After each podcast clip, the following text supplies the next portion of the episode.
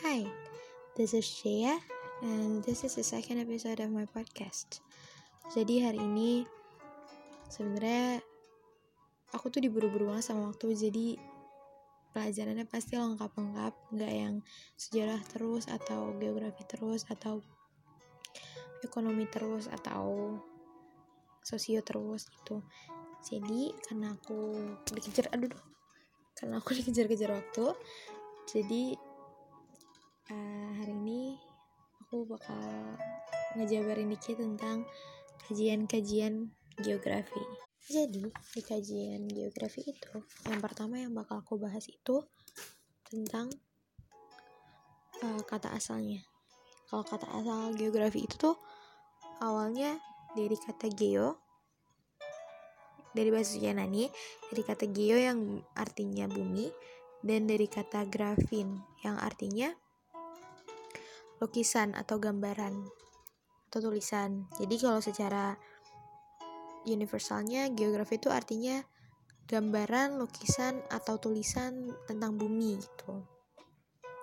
Terus uh, pengertian geografi itu ada beberapa beberapa pendapat dari ahli-ahli. Yang pertama dari Bintarto. Kalau kalau kata Bintarto itu Geografi itu ilmu pengetahuan yang menceritakan dan menerangkan tentang sifat bumi, menganalisis gejala alamnya, dan uh, corak khas dalam kehidupan penduduk dari segi ruang dan waktu. Yang kedua itu dari Preston. Kalau dari Preston itu uh, geografi itu induk dari segala dari segala ilmu pengetahuan. Terus yang ketiga menurut James, kalau kata James, uh, Geografi itu ilmu yang melihat keteraturan gejala alam yang memberikan karakteristik dari suatu tempat. Nah, terus kalau kata Barlow, kalau kata Barlow tuh geografi itu ilmu yang mempelajari keterkaitan dari proses apa keterkaitan pola dari proses-proses yang berhubungan pada gejala lingkungan. Terus yang kelima ada dari seminar Ikatan Geografi Indonesia tahun 1988. Yuk, kalau menurut IG, IGI itu geografi itu ilmu yang mempelajari persamaan dan perbedaan geosfer. Terus dia juga mempelajari ilmu antar eh, interaksi antar manusia sama lingkungan dengan sudut pandang dan ruang kewilayahannya. Terus yang terakhir, kalau kata Imade Sandi, Geografi itu ilmu yang mempelajari tentang bumi sama semua hal yang di atasnya, kayak contohnya floranya, floranya, faunanya, penduduknya, iklim, udara, sampai segala interaksinya. Nah, yang kedua itu uh, ke, uh, perkembangan geografi itu dimulai ad, uh, dari abad 18. Nah, dia itu ada tiga, tiga perkembangan gitu. Yang pertama ada determinisme. Nah, kalau paham uh, paham atau perkembangan determinisme ini dia tuh uh, bilang kalau seluruh kehidupan sama aktivitas manusia di di bumi tuh dipengaruhinya oleh alam. Jadi manusia tuh cenderung pasif gitu kalau misalnya uh, lagi menghadapi alam gitu. Uh, kalau ilmuwan-ilmuwan yang mendukung determinis apa yang menggunakan paham determinisme ini contohnya kayak Charles Darwin atau Ellsworth Huntington atau Friedrich Ratzel. Nah, yang kedua itu ada perkembangan posibilisme. Nah, kalau misalnya posibilisme itu dia tuh pahamnya kalau manusia ini yang mempengaruhi seluruh kehidupan gitu. Jadi karena manusia punya akal, dia bisa ngerespon dan mempengaruhi alam di sekitarnya. Contoh ilmuwan yang menganut paham ini tuh Paul Vidal de la Blache. Terus yang ketiga itu ada perkembangan voluntarisme. Kalau kalau voluntarisme ini dia tuh menganut paham kalau manusia itu yang mempengaruhi alamnya gitu. Terus abis perkembangan ada objek kajian uh, geografi. Objek kajian geografi itu terbagi dari dua objek. Uh, yang pertama itu ada objek formal. Dia tuh pakai uh, pakai dia tuh cara pandang geografi eh, tentang fenomena geosfer yang pakai tiga pendekatan. Yang pertama itu ada ada ini, ada pendekatan keruangan atau spasial. Nah, kalau misalnya yang keruangan ini dia tuh berdasarkan penyeb dia tuh menganalisis gejala geografis berdasarkan penyebaran dalam ruangnya. Jadi uh,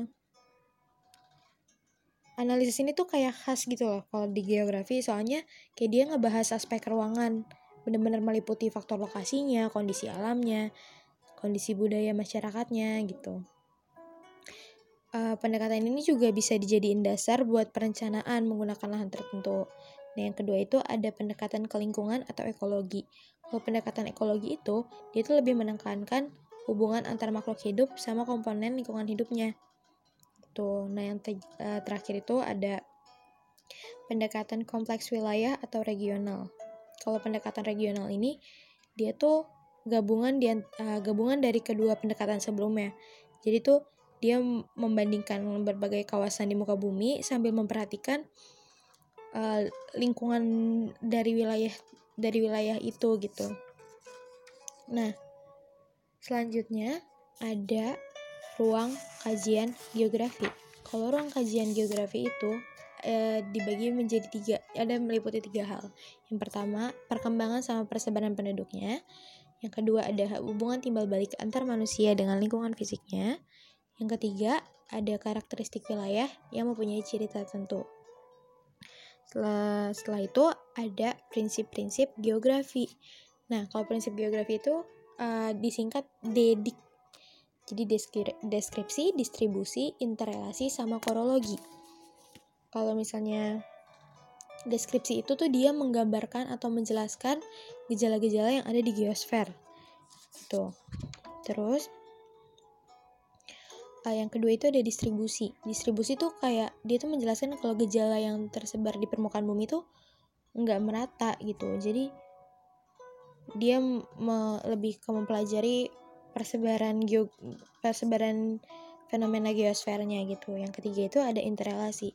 Kalau interrelasi itu uh, dia tuh kayak keterkait keterkaitan antar fenomena di geosfer gitu.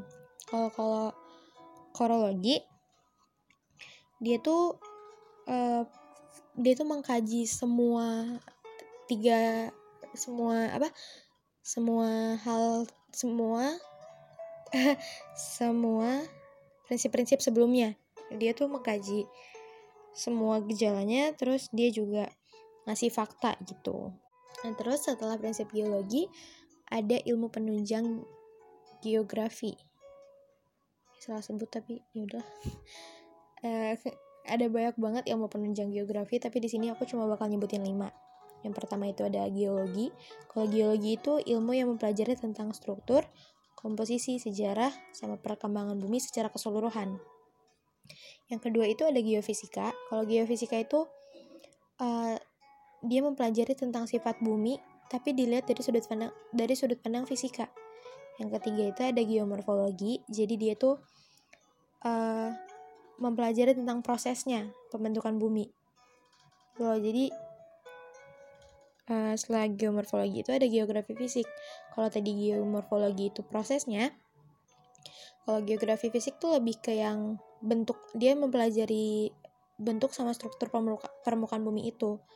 Nah, kalau yang terakhir itu ada geogra ada geografi historik. Kalau geografi historik itu dia mempelajari uh, sejarah pembentukan buminya gitu. Nah, setelah ilmu penunjang biologi uh, geo geografi kan benar salah sebut uh, dia tuh ada konsep dasar geografi. Nah, itu tuh di, uh, dia terdiri dari beberapa poin. Yang pertama itu ada konsep lokasi. Kalau konsep lokasi itu kayak berhubungan sama tempat-tempat di permukaan buminya gitu. Uh, dia tuh dibedakan menjadi dua, ada uh, lokasi absolut sama lokasi relatif. Nah, terus yang kedua ada konsep jarak. Dia tuh kayak uh, jauh dekat di kayak, kayak dia menjelaskan tentang jauh dekat perbedaan yang akan mempengaruhi uh, gejala atau fenomena geografinya. Terus yang ketiga itu ada konsep pola. Kalau konsep pola itu kayak susunan keruangan yang ada di uh, yang ada di permukaan buminya kayak misalnya pola pemukiman, migra, pola migrasi sama pola tanam. Terus habis itu ada konsep keterjangkauan. Kalau konsep keterjangkauan itu kayak ketersediaan atau kemudahan sarana prasarana yang ada di sana. Terus setelah itu ada konsep morfologi. Kalau konsep morfologi itu kayak dia menjelaskan tentang bentuk-bentuk lahan atau permukaan bumi. Terus habis itu ada konsep aglomerasi. Kalau aglomerasi itu kayak dia mengungkapkan kecenderung, kecer, kecenderungan kalau manusia itu hidupnya mengelompok. Itu jadi uh, dia itu kayak pemusatan fenomenanya gitu. Terus habis itu ada konsep nilai kegunaan. Jadi uh, dia tuh kayak menjelaskan kalau menjelaskan manfaat fenomena uh, di permukaan bumi itu gitu loh. Terus habis itu ada konsep interaksi dan interpendensi. Nah, kalau misalnya konsep interaksi in, interpendensi ini kayak dia menjelaskan uh, hubungan sama ketergantungan antara dua tempat atau objek geografi. Gitu. Terus yang selanjutnya ada uh, konsep diferen diferensi area. Nah, kalau misalnya konsep diferensi area, area ini kayak uh, perbedaan wilayah atau fenomena terjadinya tuh di dua tempat yang berbeda gitu atau di beberapa tempat yang berbeda. Terus yang terakhir itu ada konsep keterkaitan ruang. Jadi ini tuh kayak menjelaskan keterkaitan antar wilayah antar wilayah gitu mau alamnya ataupun wilayahnya ter, uh, wilayah itu wilayah itu sendiri. Nah, setelah konsep itu ada aspek geografi. Kalau aspek geografi itu terdiri dari dua. Yang pertama itu ada aspek alamiah atau fisik. Itu mengkaji hal-hal yang berkaitan dengan geosfer. Kayak misalnya uh, letak wilayah, bentuk muka bumi, luas wilayah, atau batas wilayah dengan ciri khas tertentu. Kalau misalnya fenomena geos geosfer fisik ini tuh kayak terkait sama litosfer, pedosfer, hidrosfer, atmosfer, sama biosfer. Nah, terus yang kedua ada aspek sosial atau manusia. Kalau misalnya aspek ini tuh dia kayak lebih ngebahas sama nge mem, apa kayak mengkaji yang ber, hal yang berkaitan sama antros antros antroposfer atau manusia.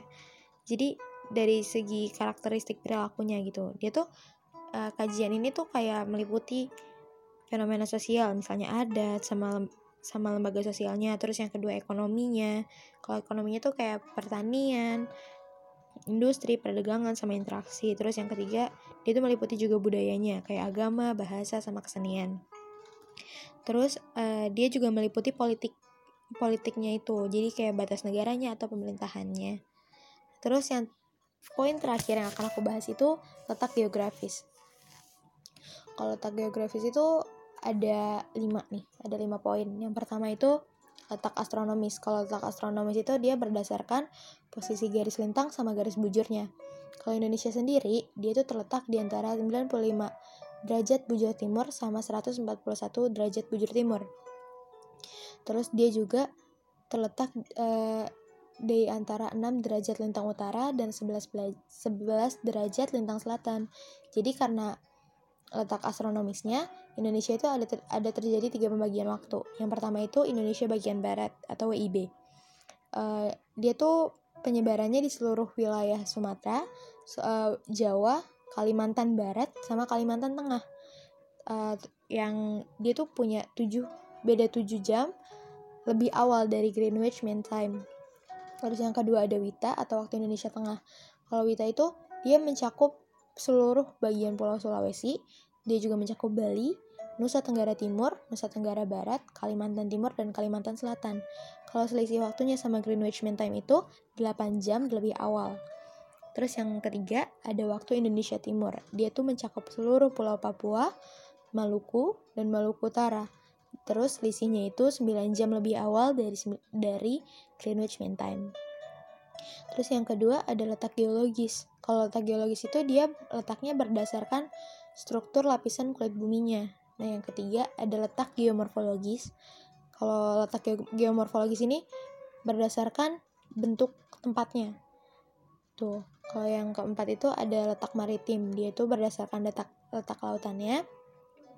Dan yang terakhir itu letak ekonomis. Kalau ke letak ekonomis itu uh, peninjauan negaranya tuh dari kehidupan ekonomi yang ada di dalamnya gitu. Uh, mungkin segitu dulu buat geografi bab pertama yang aku bahas. Aku harap semoga ini bisa bikin kalian paham sepaham-pahamnya soalnya aku juga bingung ngejelasinnya harus gimana karena aku juga masih kaku I'm so sorry for that dan aku ber aku benar-benar berharap ini bisa ngebantu siapa pun yang mendengar ini buat belajar thank you all for listening. Uh, jangan lupa semangat terus biar kita bisa ketemu di kampus masing-masing. Semangat semuanya. Bye